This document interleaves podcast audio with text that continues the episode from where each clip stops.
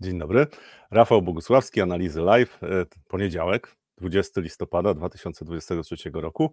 E, dzisiaj o sukcesach pani Meloni, dzisiaj też o inflacji bazowej kilka słów, o tym, co się dzieje w Stanach, ale przede wszystkim o tym, jak e, ankieta wśród zarządzających funduszami czy aktywami przeprowadzona przez Bank of America wpływa na to, jak postrzegam rynki. O tak bym to ujął. Natomiast e, jak teraz jest taka chwila dość luźnej rozmowy, to muszę się przyznać, że w piątek wieczorem e, zacząłem się zastanawiać, czy nie jestem urodzonym pechowcem, ponieważ o 21, trochę po 21 stwierdziłem, że popatrzę, jak grają nasze orły. Włączam telewizor, albo włączam, zależy jak to woli, e, i patrzę, no to jest dobrze, 1-0, po czym patrzę na to, co się dzieje i i tutaj pokażę coś, co pożyczę z Twittera. To jest mecz naszych orłów. 47 minuta. Nasi w białych. Żółty to nasz bramkarz. I tutaj tych trzech, proszę zwrócić uwagę, tych trzech obrońców są zwarci, gotowi, już biegną do piłki. I jak popatrzyłem e, na to, to stwierdziłem, no może, może jestem, jestem pechowcem, bo włączyłem, dosłownie dwie minuty oglądałem i potem sobie pomyślałem w kontekście dzisiejszego, e, dzisiejszych informacji, czyli przede wszystkim tej ankiety Bank of America, że nie ma rzeczy pewnych, nie tylko w piłce nożnej, bo jak wylosowaliśmy tą grupę, która była taką grupą, z której nie da się awansować, to prawdopodobieństwo e, awansu było oceniane naszej reprezentacji na 96%, oczywiście nie awansowaliśmy e, z grupy, bo nasi piłkarze powiedzieli, co nie da się, podtrzymajcie nam piwo. Natomiast rozbawiło mnie jeszcze dwie rzeczy, że trener, selekcjoner naszej reprezentacji, pan Probierz, powiedział, że zagraliśmy dobry mecz. Mówił o tym meczu, który właśnie widziałem. A potem e, na Twitterze znalazłem informację, bo PZPN zaczął mi się wyświetlać jako jeden z najbardziej e, trendy tematów i e, dowiedziałem się, że niejaki pan Piotr Żelazny skrytykował reformę PZPN-u. Powiedział, że reforma wizerunkowa polega na tym, że teraz pijani działacze będą wchodzili przez drugie wejście. Zrobił to jakieś 2-3 tygodnie temu, a PZPN zaskarżył go, e, znaczy postraszył go, że będzie go skarżył sądownie o to, że naruszył jego dobre imię. I uwaga, e, wpis pana Piotra Żelaznego o tym, że PZPN reformę wizerunkową przeprowadza, miał 6 tysięcy odsłon, informacja o tym, że PZPN e, skarży pana Piotra Żelaznego ma ponad milion odsłon. To tak w, aspekcie tego, że nie da się niektórych rzeczy położyć na łopatki. E, dzisiaj, tak jak powiedziałem, w kontekście przede wszystkim tych ankiet Bank of America, natomiast zaczynamy oczywiście od przeglądu rynków.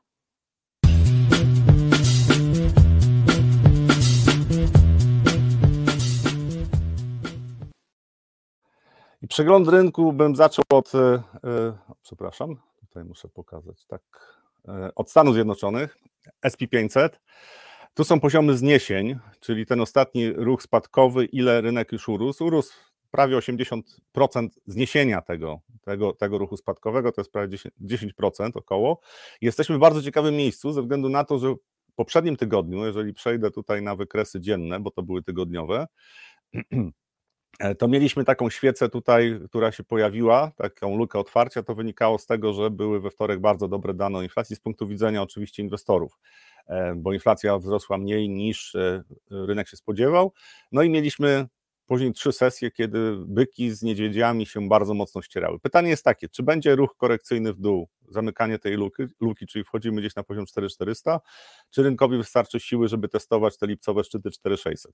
I nie, y, nie, nie sądzę, żeby był ktoś w stanie odpowiedzieć na to pytanie, znaczy tutaj można po prostu znaleźć argumenty w jedną i w drugą stronę. Ja zakładam, to jest dla mnie ważniejsze, żebym tu trafił, że nawet jeżeli będzie ruch korekcyjny, nawet dość głęboki, nawet do 4300, E, to kolejna fala wzrostowa wyniesie nas ponad te 4600. Dlaczego? Dlatego, że w gospodarce amerykańskiej nie dzieje się źle, wprost przeciwnie, dzieje się całkiem dobrze. Oczywiście są sygnały ostrzegawcze, natomiast sentyment inwestorów, i to za chwilę o, mm, o tej ankiecie BOFA e, powiem, jest e, umiarkowanie pozytywny. To znaczy, patrząc na to historycznie, to nie ma w tej chwili jakiejś wielkiej euforii, jeżeli chodzi o inwestowanie na rynkach akcji. Są sygnały oczywiście lokalnego przesilenia, Natomiast nie sądzę, żeby to był argument za tym, żeby już powiedzieć, że za chwilę skończy się paliwo, bo już wszyscy są bardzo optymistycznie nastawieni do rynku. Więc tutaj niewiele się dzieje, e, jeżeli chodzi o taki obraz techniczny. Ja liczę na to, że będzie kontynuacja wzrostów. Jeżeli patrzymy na Nasdaqa, to Nasdaq jest nawet trochę silniejszy niż S&P 500, to jest Nasdaq kompozytowy. I tutaj też ten, ten wzrost jest, jest potężny. I taka konsolidacja, oczywiście tutaj ruch spadkowy może się pojawić, bo argumentów za tym możemy znaleźć też całkiem dużo. Przede wszystkim sentyment może się pogorszyć, może się pogorszyć sentyment na rynkach światowych, co by oznaczało umocnienie dolara i to się tak samo spełniająca prognoza wydarzy. Natomiast nie sądzę, żeby rynek już w tej chwili był gotowy na kolejną falę spadkową. Ja zakładam, że wzrosty będą kontynuowane e, z korektami oczywiście do stycznia, być może do marca, kwietnia przyszłego roku, a potem zobaczymy, co się będzie działo w gospodarce amerikańskiej. Tytułowy dolar To też artykuły się pojawiły na temat dolara, więc tutaj trochę powiem jeszcze w tej e, części, gdzie będę przeglądał e, artykuły, które się pojawiają na świecie w branży finansowej. Natomiast zwrócił uwagę na to, że tutaj mamy e, ten ubiegły tydzień spadkowy, bo to są tygodniowe, tygodniowe zmiany. Jeżeli przejdziemy na dzienne zmiany, to oczywiście największy ruch spadkowy to był wtorek. Jeżeli popatrzymy teraz na to, co się tutaj dzieje, no to jest sytuacja, w której piątek mieliśmy osłabienie dolara, ale tutaj w dużym stopniu to była kwestia też umocnienia euro, e, ze względu na to, że zarówno e, dobre informacje napłynęły, jeżeli chodzi o ratingi Włoch, jak i Portugalii, o tym więcej. Natomiast ten ruch spadkowy wydaje mi się, że na razie jeszcze nie przesądza tego, że my wchodzimy w trend spadkowy. E, ten tydzień znowu, patrząc na mm, indeks dolara, jest bardzo ciekawy, też na euro dolara, że popatrzymy, za chwilę pokażę ten wykres. Ten indeks dolarowy, doszedł do takich poziomów, przy których spodziewam się, że jakaś, jakieś, jakiś popyt się pojawi. Ja zakładam, że do stycznia jeszcze tutaj będzie za chwilę 50% zniesienia tej fali, y, tej fali wzrostowej, czyli tej ostatniej fali wzrostowej. Jeżeli chodzi o psychologię na rynkach forexowych, to one bardzo bardzo często przestrzegają takich poziomów. Oczywiście tam są fałszywe też przebicia i tak dalej, ale to już jest dla spekulantów. Natomiast jeżeli patrzymy na taki zakres ruchów, no to na razie tu się nic wielkiego nie wydarzyło. E, jesteśmy w takiej strefie, gdzie spodziewam się, że w najbliższym czasie pojawi się kontratak. Nie oznacza to, że już za chwilę dolar zacznie rosnąć. Dla mnie taki bazowy scenariusz jest taki, że dolar jeszcze przez te półtora miesiąca albo nawet dwa, trzy miesiące porusza się raczej w trendzie bocznym, spadkowym i dopiero potem zacznie rosnąć, ale być może się mylę, być może ten spadki, y, te spadki zakończą się wcześniej. Oczywiście jest możliwy scenariusz, że ja się całkowicie mylę, bo to, o czym mówię, to są prognozy. To nie jest tak, że e, jestem pewien, że coś się wydarzy. Tutaj nie ma rzeczy pewnych, tak jak z naszą reprezentacją, która e, z grupy, z której nie dało się nie awansować, nie awansowała, mówię oczywiście o piłkarzach, e, to może być tak, że ja się mylę i po prostu tutaj dalej będą spadki dolara, co by oznaczało, że to będzie dobry okres w ogóle dla rynków wschodzących i generalnie ryzykownych aktywów. To znaczy ten scenariusz będzie znacznie lepszy dla ryzykownych aktywów niż y, ten scenariusz, w którym dolar się umacnia. Chociaż tutaj też nie wykluczałbym dobrej koniunktury na rynkach akcji. Pewnie emergingi będą zachowały się gorzej, bo tam będzie parę problemów, które zaczną się uwidaczniać, zwłaszcza jak chodzi o kraje afrykańskie. Dziś, jutro na RSI dolar jest mocno wyprzedany. Tak, natomiast y, z poziomami wyprzedania to przede wszystkim RSI to jest taki wskaźnik, który pokazuje, jak mocny jest ruch.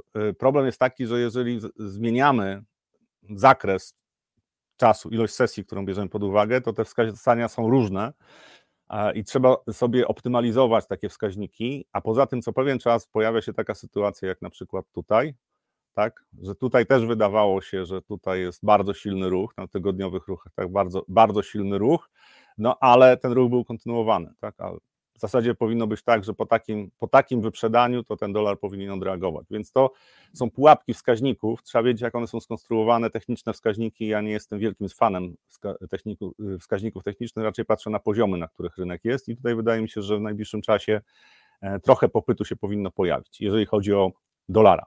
Jeżeli patrzymy na euro dolara, jesteśmy na poziomie 1,09 i to też jest e, poziom, tutaj mówiłem, że e, ta cała faza, no, oczywiście nie dzisiaj, tylko mówiłem na poprzednich live'ach, że cała ta faza wzrostu była dość spokojna, no i poprzedni tydzień to były dwie informacje, które spowodowały, że dolar, e, do, dolar się osłabił, a euro się umocniło, czyli wtorek i piątek. Mm, w piątek oczywiście Włochy i Portugalia, zaraz o tych ratingach powiem więcej. Wtorek to był słab, y, słabsza inflacja, czy niższa inflacja, czyli rynek się przestawił na to, że nie będzie podwyżek stóp w Stanach Zjednoczonych. No i te dwa ruchy spowodowały, że jesteśmy na poziomie 1,09, ale jak popatrzymy na ten poziom 1,09 z takiej perspektywy znowu zniesień, czyli zakresu ruchu, to ten, ten ruch spadkowy tutaj, tak, do tego miejsca, jesteśmy na poziomie 61, blisko 61%. Znowu tutaj w, tym, w takich obszarach tutaj bardzo często pojawiają się ruchy korekcyjne. Czy tak będzie?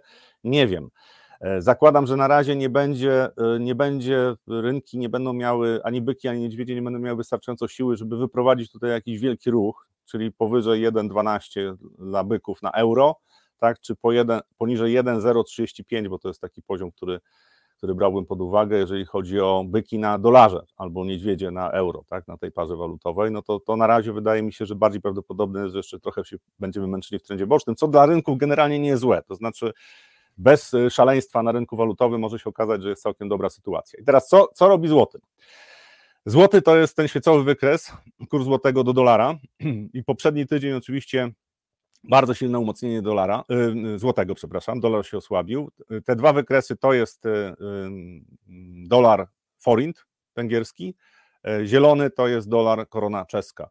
Jak widać tutaj ten ruch jest y, w tym samym kierunku, to znaczy patrząc y, na polskiego złotego, to my się umacniamy wtedy, kiedy umacniają się waluty regionu, z tym, że ostatni ruch, y, jeżeli chodzi o polską walutę, jest silniejszy, na przykład niż korony czeskiej e, i, e, i, i forinta. To, wy, to, to, jest kilka powodów tego. Jednym z, tym, z, tych powodów jest oczywiście to, że wygrała koalicja mm, partie opozycyjne, y, że są szanse na pieniądze z KPO, więc tutaj inwestorzy się przestawili e, w porównaniu z tym, co działo się wcześniej, tak? Tu zaskakujące obniżki stóp procentowych przez RPP, e, ale tutaj wróciliśmy do tych poziomów, na których byliśmy wcześniej. Te, e, i, I Forint, i, i Korona nie wróciły do tych poziomów, na których były jeszcze w lipcu czy w sierpniu, więc nasza waluta jest trochę silniejsza i teraz patrząc na poziomy, przy których polski złoty może być kupowany, to jesteśmy blisko 4 złotych, i zakładam, że trochę poniżej 4 zł to jest pierwszy poziom wsparcia. W najbliższych dniach spodziewam się jakieś odreagowania, natomiast taki poziom, e, który zakładam, że nie zostanie pokonany, to jest 3,85. Natomiast co on nie zostanie pokonany, to ja nie wiem, e, bo na rynku jest dużo niespodzianek. Jest taki trend tutaj dość długoterminowy, który pokazuje, jak na polskim złotym ta sytuacja wygląda. No i mniej więcej 3,85 to był ten poziom, przy którym faktycznie można by się było zastanawiać nad tym, czy już jest czas na to, żeby trend się zmienił na, na wzrostowy. Ja zakładam, że są na to szanse, natomiast e, historia mnie uczy tego, że na rynku walutowym przeciągnięcie może być dużo dłuższe niż mi się wydaje i może być tak, że dobry sentyment będzie utrzymywał się dłużej. E, według mnie nie ma przesłanek fundamentalnych do tego, żeby polski złoty aż tak się umacniał. Podobnie jest, jeżeli popatrzymy na euro złoty. W ostatnich dniach mamy umocnienie złotego i osłabienie e, euro do złotego. jeżeli popatrzymy na poziomy, przy których jesteśmy, to tutaj jeszcze trochę przestrzeni zostaje. Natomiast też spodziewałbym się, że w najbliższym czasie e, kurs złotego zacznie słabnąć. Te dołki tutaj, ten, ten, ten, ten, to są mniej więcej 3, 3 lata i 3 miesiące, 3 lata, 2 miesiące. E, takie odstępy czasowe i tutaj jesteśmy na początku przyszłego roku mniej więcej w takim odstępie czasowym. Ja zakładam, że będzie osłabienie złotego, e, co pewnie trochę pogorszy sentyment do polskich aktywów, natomiast to nie oznacza końca świata. W trochę dłuższej perspektywie uważam, że polskie aktywa będą kupowane. E, to o polskim złotym, natomiast oczywiście obligacje amerykańskie dziesięcioletnie i to jest pytanie tutaj podstawowe, czy rentowności, tak, czy to jest początek trendu spadkowego silniejszego, czy to jest tylko ruch korekcyjny, tak jak było tutaj, tutaj, no tutaj, tak, warto zwrócić uwagę, że takie ruchy korekcyjne to są, to są dane tygodniowe, czyli jedna świeca to jest tydzień, że takie ruchy korekcyjne one mogą trwać wiele tygodni, kilka miesięcy nawet. I tutaj nic na razie fundamentalnie y, y, znaczy, trochę się zmieniło, tak, jeżeli chodzi o oczekiwania inflacyjne. Faktycznie ta inflacja jest na poziomie 4% CPI, więc e, ona jest, e, są realne stopy dodatnie w, e, Stanach Zjednoczonych, rentowności obligacji też są realnie dodatnie, czyli po uwzględnieniu inflacji. Natomiast to nie oznacza, że tutaj już trend spadkowy będzie kontynuowany. I tu w kontekście tego, o czym mówią sondaż Bank of America, to ja bym zwrócił uwagę właśnie na rentowności obligacji amerykańskich, ponieważ to powszechne przekonanie o tym, że tylko mogą spadać rentowności amerykańskie, według mnie jest niepokojące. To znaczy, ja zawsze mam duży dyskomfort, jeżeli jestem częścią e, tłumu i ten tłum jest tak przekonany o czymś, że praktycznie nie ma e, no, opozycji. To jeżeli nie ma opozycji, to ja zaczynam się obawiać, że pojawi się jakiś czarny łabędź i za chwilę będą poważne problemy, jeżeli chodzi o kontynuację tego trendu.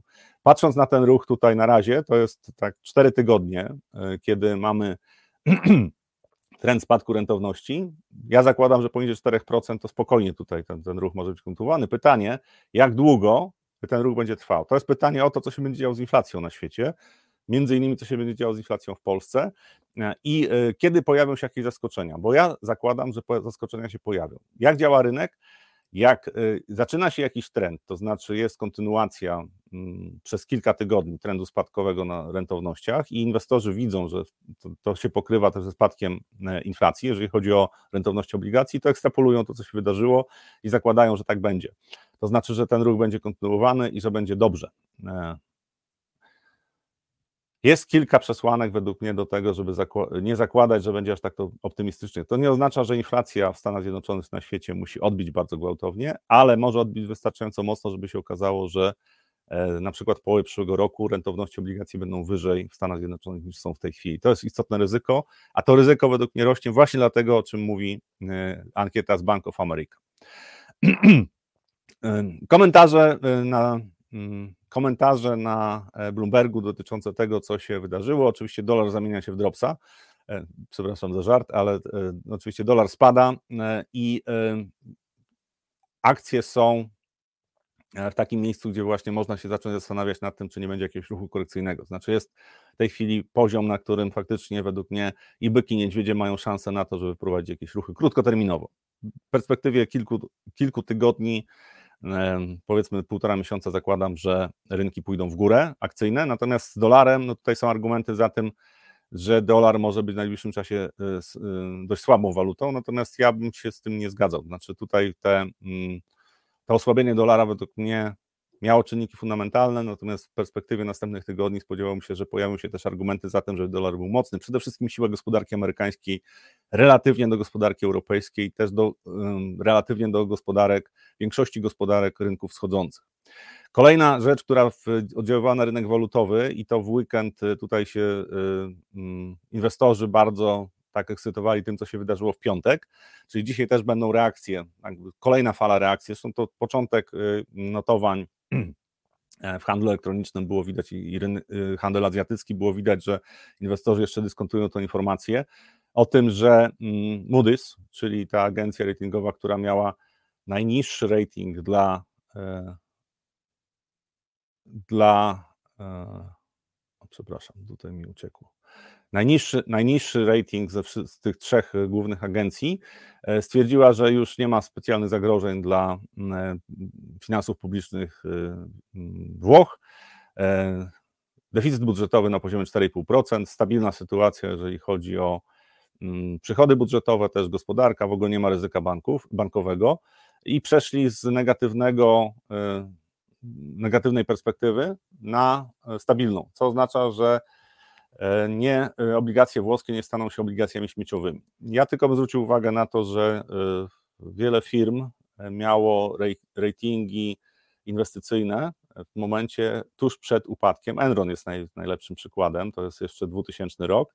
Natomiast e, też w przypadku kryzysu na rynku banków amerykańskich, to Lehman jak upadał, to jeszcze tam kilka tygodni wcześniej miał e, pozytywne perspektywy, jeżeli chodzi o ratingi. Więc e, ja biorę to za dobrą monetę. Tak, oczywiście sytuacja w tej chwili we Włoszech nie jest na tyle dramatyczna, żeby już w tej chwili obniżać ratingi, natomiast ja bym poczekał chwilę, a chwilę to znaczy kilka miesięcy, na to, jak będzie zachowała się gospodarka włoska, bo ja zakładam, że tutaj przy spowolnieniu w całej strefie euro pojawią się problemy. I znowu podkreślam, to nie jest tak, że ja zakładam jakiś Armagedon, tak, że tutaj strefa euro się rozpada, że w ogóle e, Włochy bankrutują, tylko zakładam, że będą turbulencje, bo inwestorzy zauważą, że jeżeli chodzi o włoski e, dług, to nie jest wcale tak rewelacyjnie, a te ruchy, które wykonuje pani Meloni, to nie jest restrukturyzacja, restrukturyzacja gospodarki, to jest raczej stabilizowanie sytuacji na tyle, żeby e, wyborcy byli zadowoleni. To nie jest wielka reforma e, gospodarki, a Włochy potrzebują takiej reformy.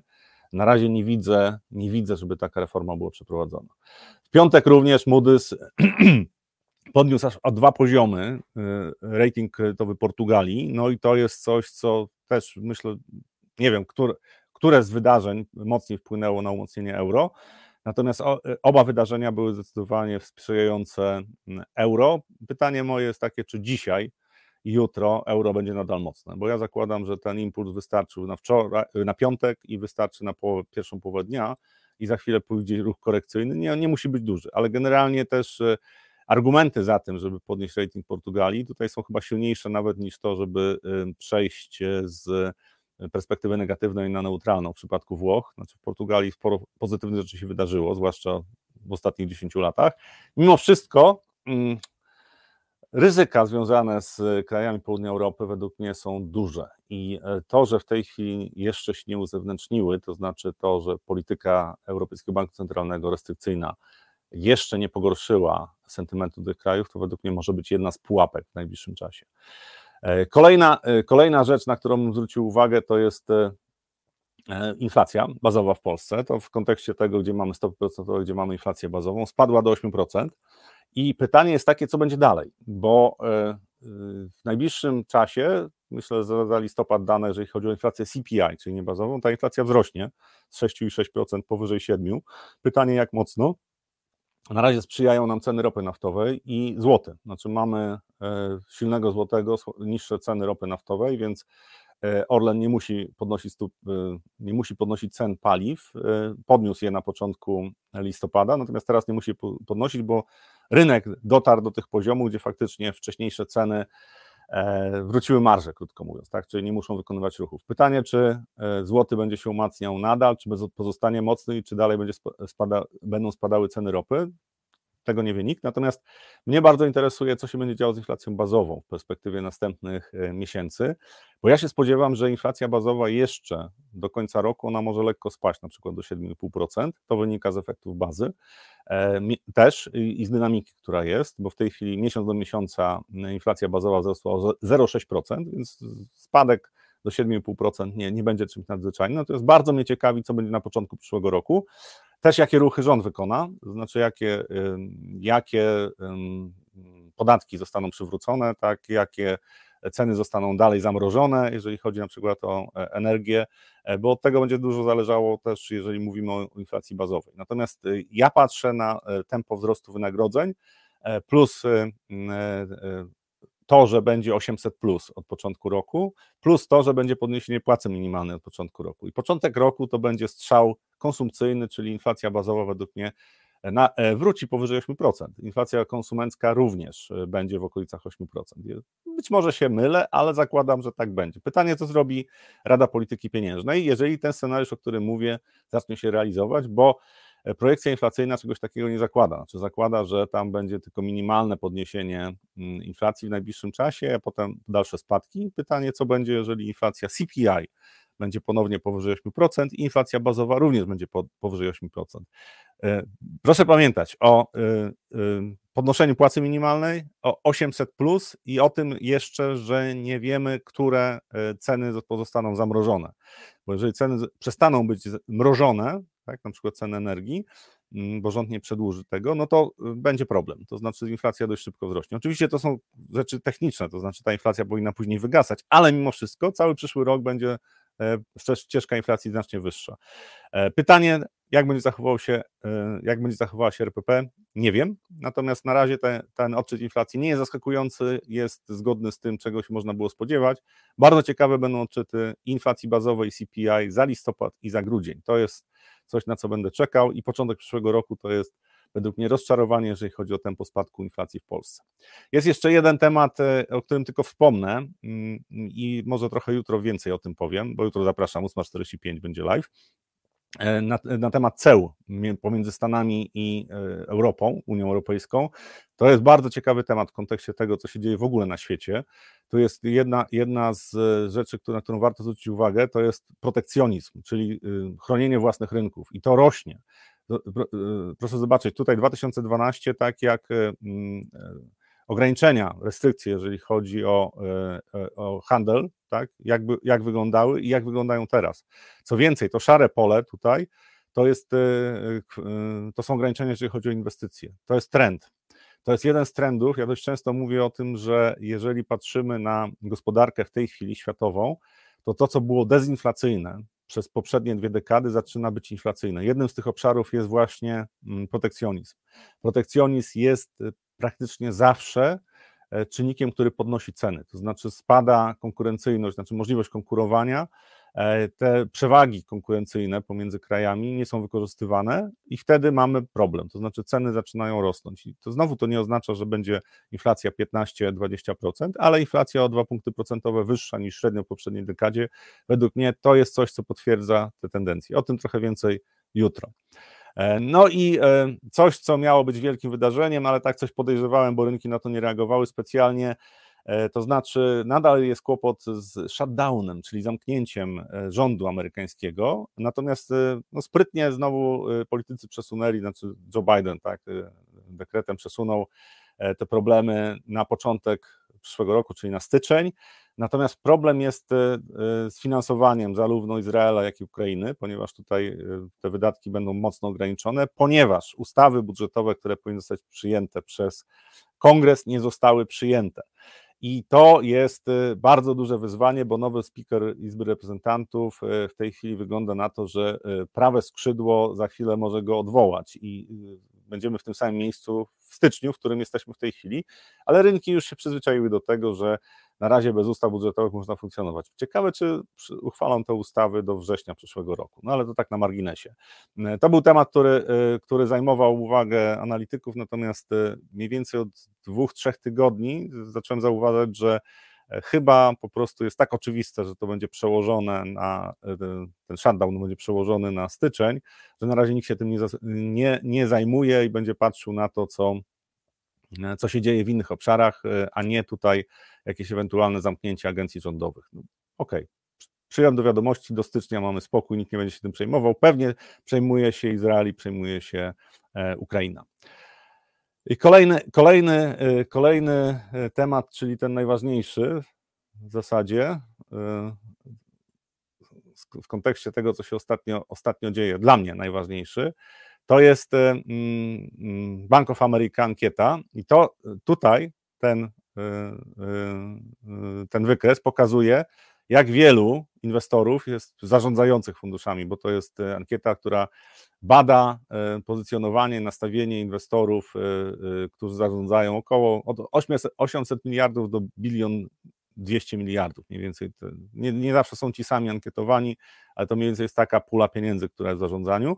E, I e, to, co mnie bardzo niepokoi, to jest to, że poziom przekonania inwestorów, to jest ponad 60%, uważa, że w przyszłym roku będą spadki długoterminowych rentowności obligacji. Jeszcze raz podkreślam, to jest możliwe, że mm, oni mają rację, natomiast jak jest tak duże przegięcie, to znaczy większość uważa, że innego scenariusza być nie może, to ja zaczynam się niepokoić. To znaczy uważam, że jest co najmniej kilka argumentów za tym, żeby zachować większą ostrożność niż ci, którzy chcą tutaj zarabiać na tym, że będą spadały rentowności. Jednym z tematów może być na przykład wzrost cen surowców, drugim z tematów może być to, że napięcie międzynarodowe wzrośnie na tyle, że mm, e, gospodarki będą się do tego dostosowały, inflacja będzie wyższa, okaże się, że ani Fed, ani Europejski Bank Centralny nie może obniżać stóp procentowych, a poza tym jest jeszcze kwestia płynności rynku. To, co się dzieje w ostatnim czasie, zwłaszcza na obligacjach amerykańskich, pokazało wyraźnie, że taka podaż obligacji już jest prawie niewchłanialna przez rynek. To znaczy wzrost rentowności obligacji amerykańskich jeszcze trzy tygodnie temu, to główna przyczyna była tego taka, że oni e, w ciągu 4 miesięcy 2 biliony e, obligacji o wartości 2 bilionów dolarów pompowali w rynek. E, to jest coś, co mnie zastanawia nad próbą wykorzystania na rynkach międzynarodowych tego ruchu spadku rentowności, bo to dałoby dodatkowe zyski, natomiast zakładam, że tak silne przechylenie w stronę właśnie spadku rentowności inwestorów według mnie ograniczy zyski. To nie jest niemożliwe, że tam będzie, mm, będą zyski, ale według mnie będą ograniczone. To, na co zwracam uwagę, to jest pozycjonowanie inwestorów. Tutaj są trzy takie wykresy. To jest zmiana w ciągu miesiąca. Najwięcej e, na, na, plus, czyli długich pozycji, pojawiło się w przypadku obligacji. To jest ten pierwszy, to jest ten pierwszy, e, pierwszy słupek. Technologia, tak, rejty, czy rity. E, Japonia. Natomiast e, spadł poziom gotówki, nie chcą kupować banków, nie chcą kupować nie chcieli kupować czy zwiększać pozycji w surowcach. Natomiast jak popatrzymy, jakie jest odchylenie od średniej, no to zdecydowanie obligacje, czyli e, za ostatnie 20 lat relatywne pozycjonowanie, długie pozycje na obligacjach to jest coś, co o tyle jest, dwa odchylenia standardowe jest wyżej pod, e, e, od średniej z 20 lat. Podobnie jeżeli chodzi o Japonię, podobnie jeżeli chodzi o amerykańskie obligacje. To jest coś, co jest trochę, akcje, przepraszam, to jest coś, co jest trochę niepokojące. Z drugiej strony mamy strefę euro, która nie jest w tej chwili dobrze postrzegana. Wielką Brytanię, rynki wschodzące. No to jest bardzo ciekawe, ze względu też na to, że inwestorzy zakładają, że w przyszłym roku dolar będzie słabą, słabą walutą, no to to pozycjonowanie dla rynków wschodzących byłoby trochę bez sensu, no ale tak jest, to są fakty. I to, co jest też y, interesujące, to jest absolutne przeważenie, czyli w stosunku do portfela, e, takiego pozycjonowania neutralnego, no to mają, technologia jest bardzo mocno przeważona, Japonia, obligacje niedoważona Wielka Brytania, strefa euro. To nie oznacza, że to jest zawsze błędne, to znaczy, że to jest tylko kontrariańskie, trzeba patrzeć i że takie pozycjonowanie spowoduje, że e, za chwilę e, technologia przestanie zarabiać, natomiast w trochę dłuższej perspektywie to takie silne przeważenie, jak tutaj patrzymy na obligacje, to jest coś, co jest anomalią. To być może faktycznie mają rację inwestorzy ze względu na to, co się działo wcześniej e, i że jeżeli wychodzimy z świata wysokiej inflacji, no to wtedy te obligacje dadzą zarobić. Natomiast historia, e, moje doświadczenia rynkowe pokazują, że raczej zazwyczaj pojawia się jakiś czynnik, który wcześniej nie był brany pod uwagę i te zyski nie są tak duże. Ja, dla mnie głównym czynnikiem to jest podaż e, obligacji. W 2024 roku podaż obligacji w ogóle e, na świecie będzie ogromna. Też obligacji korporacyjnych, ale przede wszystkim rządy, takie jak Stany Zjednoczone, takie jak właśnie Włochy, jak Polska, będą potrzebowały bardzo dużej emisji e, obligacji, żeby po prostu zrolować też dług. Dla Polski też to będzie wyzwanie.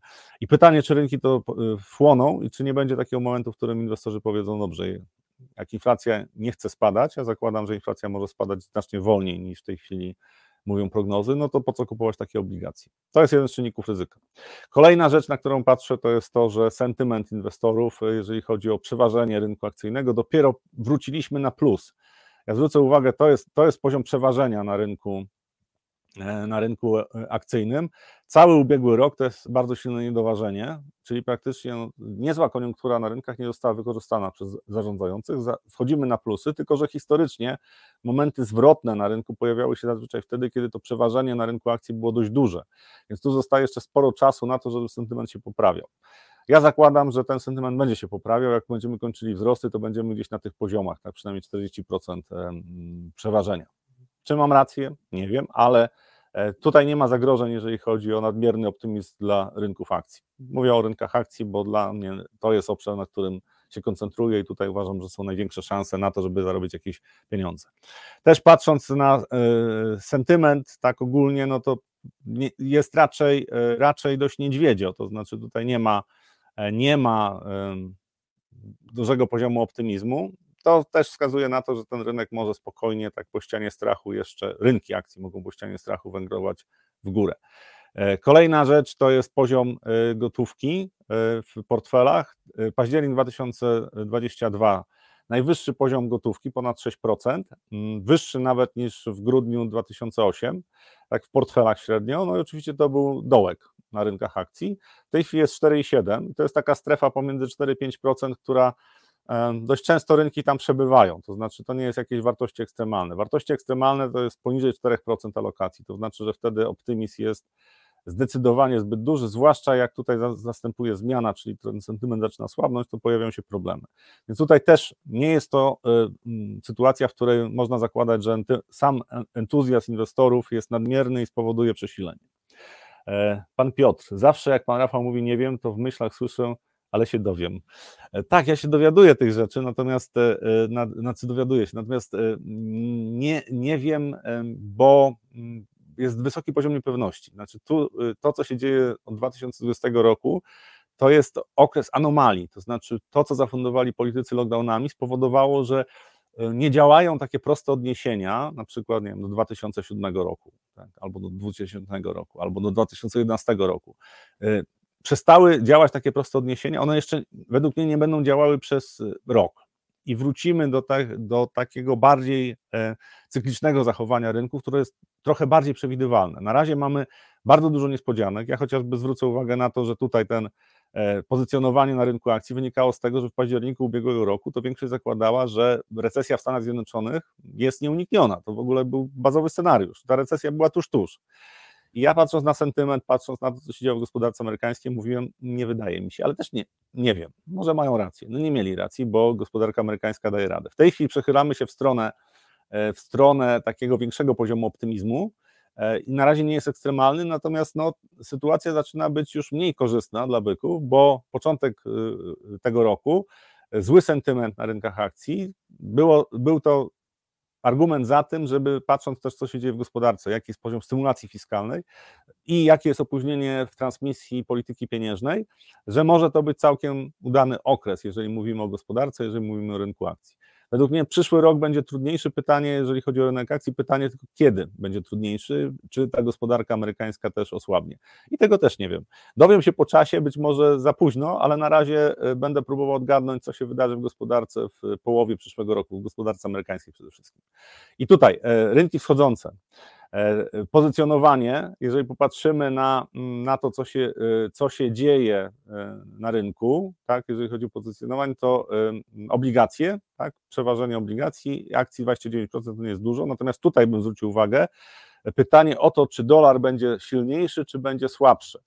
I 65% inwestorów odpowiedziało, że dolar będzie w przyszłym roku słabszy. To by oznaczało, że powinny, powinni obstawiać również emergingi, ale ich nie obstawiają, to pokazywałem wcześniej.